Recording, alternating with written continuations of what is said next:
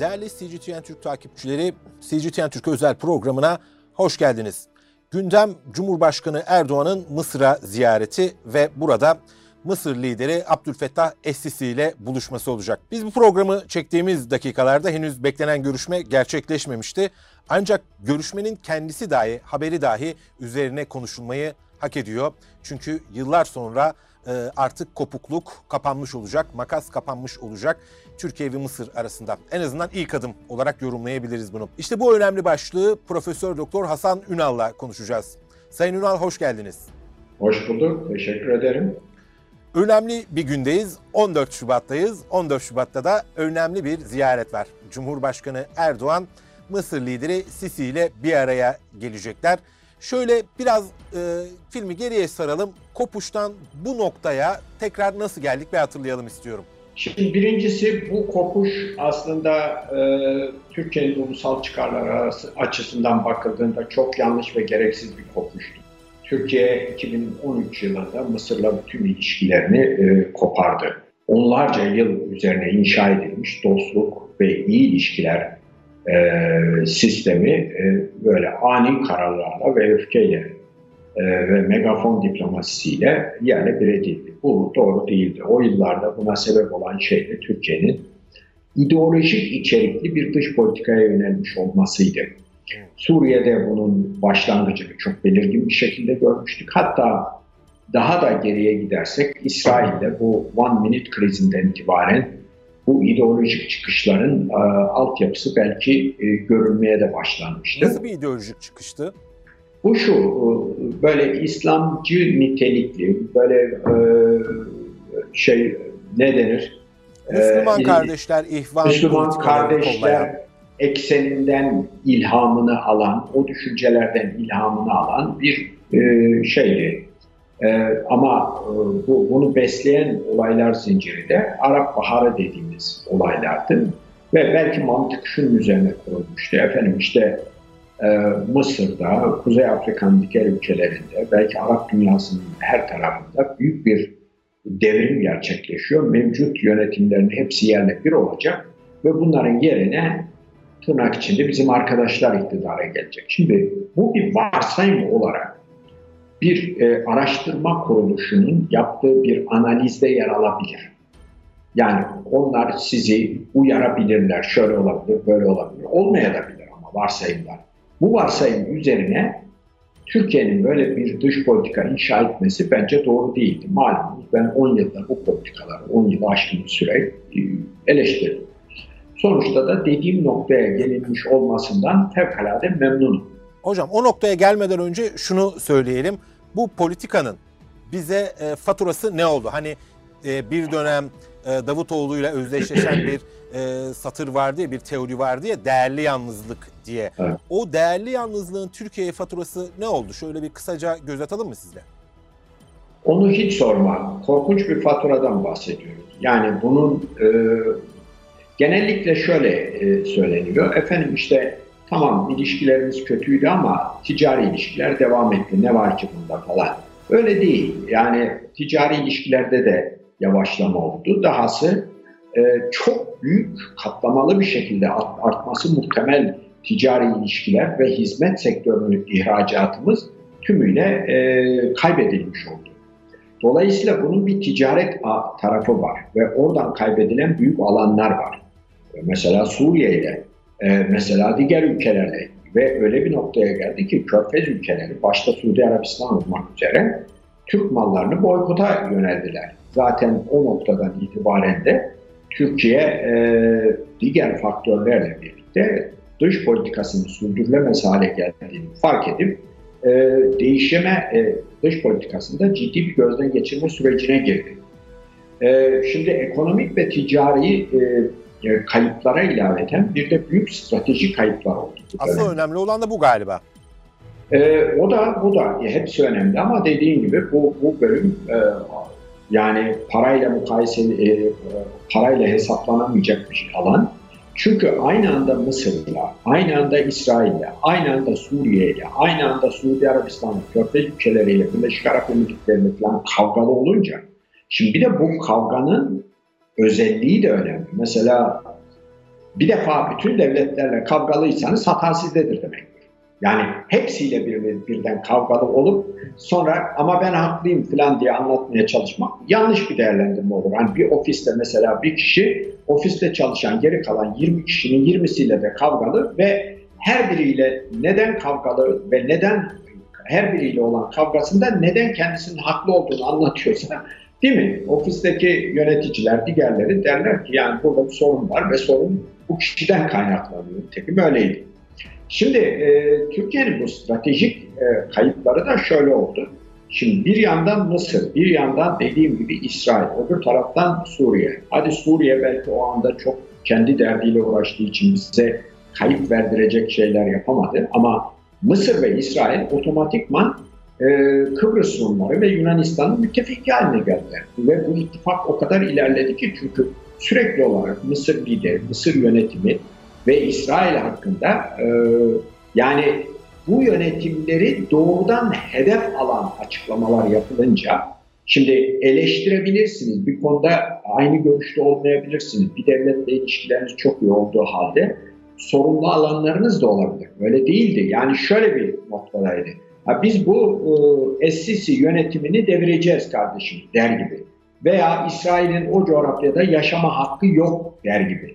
Şimdi bunlar bu noktaya gelince o zaman zaten neyi konuşacaksınız? Diplomasi ne için yapılacak demektir. Ee, orada sadece Mısır ve İsrail değil, aynı zamanda Suudi Arabistan ve Birleşik Arap Emirlikleri de Yunanistan ve Kıbrıs Rumlarının askeri müttefiki. Bakın haline dönüştüler. Birlikte tatbikatlar yapmaya başladılar. Suudi Arabistan ve e, Birleşik Arap Emirlikleri bu arada Fransa'yı da karşımıza almıştık çok e, belirgin bir şekilde. Fransa da katıldı bu koalisyona ve sonuçta Yunanistan büyük bir müttefikler e, grubunun içinde buldu kendisini bize karşı ve e, düşünebiliyor musunuz? Suudi Arabistan ve Birleşik Arap Emirlikleri gibi ülkeler Yunanistan'da tatbikatlara bize gözdağı için F-15 uçaklarını falan göndermeye başladılar. Bu arada yani işte eğer Libya'da Mısır'la bir savaşa tutuşursak ki o da yanlış bir şeydi. Mısır'la ilişkileri o denli savaşa gidecek noktaya kadar adeta taşımak hiç kabul edilebilir bir şey değildi, doğru değildi. Aynı anda Mısır'la, aynı anda belki İsrail'in dahil olacağı ve Yunanistan'ın da bunlarla birlikte gireceği, belki Fransa'nın da onlara lojistik ve, ve başka türlü destek vereceği bir savaş senaryosundan falan bahseder olmuştu 2020 yılında. Bu tabii kabul edilemez bir noktadaydı ve Türkiye o noktada geri adımlar atarak, geri bak ama altını çiziyorum, geri ama doğru adımlar atarak dış politikasını gözden geçirdi. Şimdi şöyle, şöyle söyleyelim. gözden geçirme oldu. Şöyle söyleyelim Sayın İnoğlu o zaman. E, ideolojik bir bakış açısı vardı dediniz. Evet. Şimdi gelinen noktada Türk dış politikasının ideolojik bir bakış açısı yok mu? Pragmatik mi davranıyor? Ee, yoksa hala arka planda e, biraz önce bahsettiğiniz e, Müslüman kardeşler ihvan ekseninde bir politika yürütülüyor olabilir mi? Bence o kalmadı. Yani zihniyette olsa bile dış politikaya yansıyan bir tarafı kalmadı o işin. Ya tamamen pragmatizm üzerine kurulu, ulusal çıkar e, esaslı ki doğrusu bu. E, çünkü unutmayalım o dönemde bu politikadan dolayı özellikle Suriye merkezli ihvan, e, ihvancı politikalardan dolayı Ruslar uçağını falan düşürmüştü. Yani Tabii. onlarla da savaşın eşiğinden döndük. Şimdi tabii bütün bunların sürdürülebilir bir tarafı olmadığı açıktı ve o günden itibaren hızlı bir toparlamaya gitti Türkiye. Önce işte Suudilerle derken Birleşik Arap Emirlikleri'yle benim tahminimden çok daha hızlı gelişti. Bu e, Türkiye açısından, mevcut yönetim açısından ciddi bir başarıdır. Bunun altını çizmek lazım. O sırada Mısır'la zaten siyasi diyalog başlatılmıştı. Ee, sonra İsrail'le hızlı bir şekilde yine başlatıldı. Bir ara bu Şeyh Cerrah olaylarından dolayı Türkiye-İsrail e, yakınlaşmasında bir yavaşlama gözlendi. Ama yine de bir yandan Cumhurbaşkanı er, e, Erdoğan, öbür tarafta İsrail Cumhurbaşkanı Herzog'un katkılarıyla hızlı bir şekilde yeniden normalleştirildi. Tabii şu anda İsrail'in Gazze'de yaptıklarından dolayı ilişkilerde bir yavaşlama, durağan, Türkiye'nin eleştirilerinde bir artış var ama şu anda İsrail'i eleştirmeyen mi kaldı dünyada? Yani Amerika'nın kendisi bile eleştiriyor adeta. e, onu bir tarafa bırakacak olursak ilişkilerde ciddi bir düzelme, bir toparlama oldu. Zaten Yunanistan özellikle Rusya ile ilişkiler fevkalade iyi bir noktaya geldi. Şimdi bu Sisi ile yapılan Mısır'daki bu görüşme bence önemli bir zirve. Oraya Sen, oraya giderken hocam şöyle sorayım. Şimdi İsrail'i bir paranteze alalım. 7 Ekim sonrası yaşananlar hadisesiyle. Suudi Arabistan, Birleşik Arap Emirlikleri buralarla yaşanan normalleşmenin e, somut e, adımlarını, somut karşılığını gördük. Yatırımlar geldi, e, sözler gelmeye devam ediyor. Biraz daha e, ticari, sıcak para ekseninde bu normalleşmenin meyveleri ortaya çıktı. Mısır bu körfez ülkeleri gibi değil, Suudi Arabistan gibi, Birleşik Arap Emirlikleri gibi değil ama farklı da bir önemi var Mısır'ın. Mısır'la kurulacak, yapılacak bir normalleşme bize diplomaside ama daha da önemlisi sahada hangi faydaları sağlayacaktır? Şunu sağlamalı. E, birincisi e, eskiden olduğu gibi Mısır Türk-Yunan ilişkilerinde, Türk-Yunan e, uzlaşmazlığında tarafsız kalma seçeneğine dönmelidir. Yani askeri olarak Yunanistan'la, Kıbrıs Rumlarıyla normal ilişkilerini sürdürebilir, sürdürmeli. Egemen bir ülkeye sen bunlarla ilişki kurma demek yanlış bir yöntemdir. Dış politika olmaz o. Ama onlarla askeri bir e, ilişki içinde olmadığı zaman bizim için yeterlidir. Aynı şey İsrail için geçerlidir. Yani onlar e, Kıbrıs Rumlarıyla ve Yunanistan'la askeri ilişkilerden koparmak bizim için yeterli bir seçenek. Çünkü biz Yunanistan ve Kıbrıs Rumlarına kendimiz fazlasıyla yeteriz. Önemli olan onların e, bölgesel müttefik elde edebilmesine e, engel olacak bölgesel politikalar üretmektir. Türkiye bu konuda geçmişte çok mahirdi. Şimdi Mısır'ı da bu noktaya çekmemiz lazım. E, ben bunun zor olacağını hiç düşünmüyorum. Bu e, münasır ekonomik alan falan konusunda da bizim tezlerimiz Mısır'ın kat ve kat lehinde zaten. İsrail'in de lehinde. E, dolayısıyla oralarda bir sıkıntı da yaşayacağımızı düşünmüyorum. Yeter ki bunları iyi kotaralım, yavaş yavaş e, ama istikrarlı bir şekilde meselenin gidelim. Öte yandan Mısır'la çok ciddi ekonomik ilişkiler kurmamız ve geliştirmemiz de mümkün. Mısır çok büyük yatırımlar, yani Mısır yatırım yapmaya falan çok uygun bir ülke.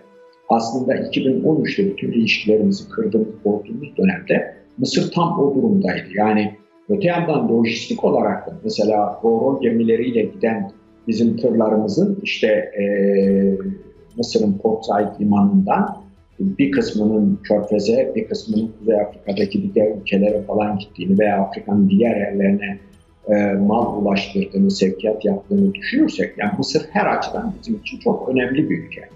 Ee, Libya de, başlığında ne yapabiliriz hocam? Bir de kısaca Libya'ya değinelim. Libya, Orası Libya'da, da bir ihtilaflı bölge. Aynen. Benim bir önerim var. Tıpkı bu Astana platformu gibi Mısır'la bizim bir Kahire platformu oluşturmamız lazım. Libya'ya nasıl barış getirilmesi gerektiğini der. Şimdi Libya'da bir ara bizimkiler e, bu Nasır ekonomik alan anlaşması yaptıktan sonraki bence o bu hükümet açısından en büyük başarılardan biridir. Çünkü Rum Yunan tarafının o, o şey e, hayali Doğu Akdeniz boru hattı projelerine falan da son verdi proje, e, o anlaşma e, yani onun tartışılmasını bile imkansız hale getirdi artık. Dolayısıyla o ciddi bir başarıdır bu hükümet açısından. Öte yandan şimdi e, Mısır'a bir e, şey Libya'da bir barış gelmesinde fayda var. Bizimkiler bir ara sanki Libya tamamen Türkiye'nin şeyinde e, nasıl denir? E, Türkiye'nin e, vekil devleti gibi sanki o kadar demeyelim ama sanki Libya'nın bütün kaynaklarından Türkiye doyasıya faydalanacak, kimseyi oraya sokmayacak falan böyle bir şey olmaz. Burada paylaşmayı bileceksiniz. Mısır çok önemli bir devlet. Kuzeyde mesela İtalya olmaksızın Libya olmaz. Çünkü Libya'nın petrolünü en çok tüketen ülkelerden birisi İtalya. Şimdi biz de orada olacak olmalıyız. Libya'nın e, ordusunu, polisini, devlet kurumlarını eğitme görevinde çok etkili rol alacağımız, ayrıca altyapı yatırımlarında, inşaat sektöründe vesaire çok ciddi bir ağırlığımızın olacağı kesin Libya'yla. Bunların üzerine yoğunlaşıp bir yandan Fransa'yı da davet edip Yani sen de vaktiyle kardeşim şirketlerinin yaptığı anlaşmalara gel sahip çık falan diyerek Rusya'nın bir takım çıkarları var. O da ilgilenmek istiyor. Böylece şu olmalı başta. Türkiye, Mısır artı belki Suudi Arabistan ve Birleşik Arap Emirlikleri olmak üzere belki Rusya'yı da davet ederek bir Astana platformu, şey pardon, Kahire, Kahire platformu. Evet, bu tabii ki Libya'daki iki grubu da davet edip, şimdi biz e, Trablus'taki hükümetle işbirliği yapıyoruz ama öbür taraftaki parlamento olduğunu iddia eden grubu dışlayarak bunu yapıyoruz. Onları da çağırarak, sistemin içine davet ederek, Türkiye kendi e, nüfuzu olan gruplara, Mısır kendi nüfuzu olan gruplara, diğer Arap ülkeleri aynı şekilde konuşarak, ederek bunları uzlaştırmanın yollarına bakmalı. E, dolayısıyla e, yani kavgayı dövüşü bırakmalı, yatırım, para kazanma, iyi ilişkiler e, ve Yunanistan'ı askeri olarak, Rum kesimini askeri olarak e, kenarda tutan politikalara önem vermeliyiz. Sayın Ünal çok teşekkür ederiz değerli görüşleriniz için. Ben teşekkür ederim. İyi yayınlar diliyorum. Sağ olun. Değerli CGTN Türk takipçileri, Profesör Doktor Hasan Ünal'la tarihi ziyareti, Cumhurbaşkanı Erdoğan'ın Mısır'a yaptığı tarihi ziyareti ele aldık. Bakalım görüşmenin ardından hangi çıktılar önümüze gelecek? Yine CGTN Türk ekranlarında sizlerle birlikte olacağız. Görüşmek ümidiyle, hoşçakalın.